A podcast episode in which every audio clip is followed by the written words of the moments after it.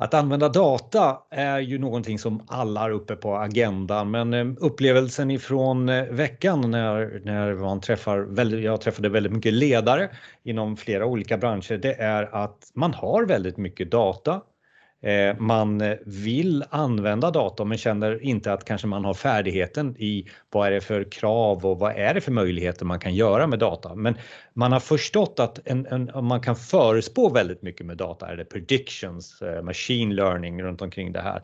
Men just att lära sig om data, Fredrik, ska det vara så svårt? Har vi inte pratat om det här i flera år? Jo, det har vi. Eh, men det är inte en, en en magisk maskin eh, som, som, eh, där, som bara kan kommer prata till dig bara du, du närmar dig den. Utan det kräver ett kunnande, ett hantverk. Eh, och därefter en data scientist som jag pratade med, han sa ju det att det finns en, en massa data, vi kan använda en massa data, men men, men det betyder att man måste ta in analytiker, man måste ta in statistiker som vet hantverket kring data. Eh, som förstår vilken data som, som är, är, ren och vilken data som är smutsig och vilken typ av datatyper vi behöver kombinera för att kunna dra ut säkra, någorlunda säkra insikter Eh, och säga att jo, men det här är statistiskt säkerställt. Ehm, det är ett hantverk som vi behöver lära oss tillsammans med de som kan data. Så att börja på den dialogen, ta in folk som kan data, eh, börja på att utforska det hantverket.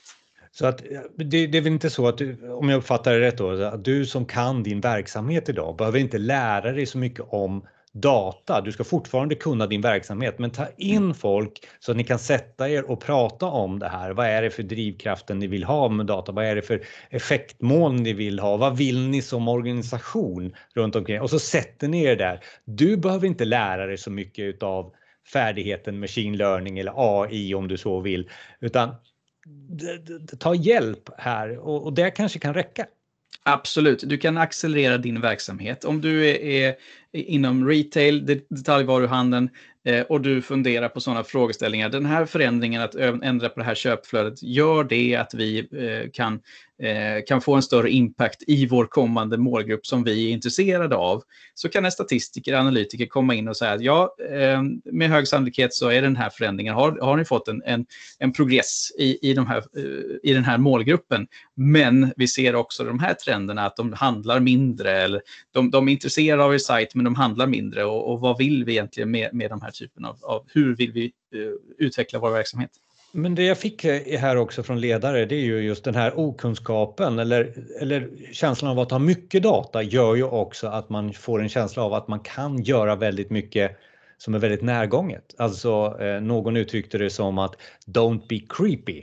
Alltså mm. man vet att man har så mycket data som man kan analysera in en individ in i ett eh, segment som det känns för den här individen som att oh, nu är det någon som faktiskt eh, är bakom min rygg här och vet exakt vad jag gör. Eh, det är ju moral mer än att kunna om data. Inkluderas det i, i, i din tanke här också, Fredrik?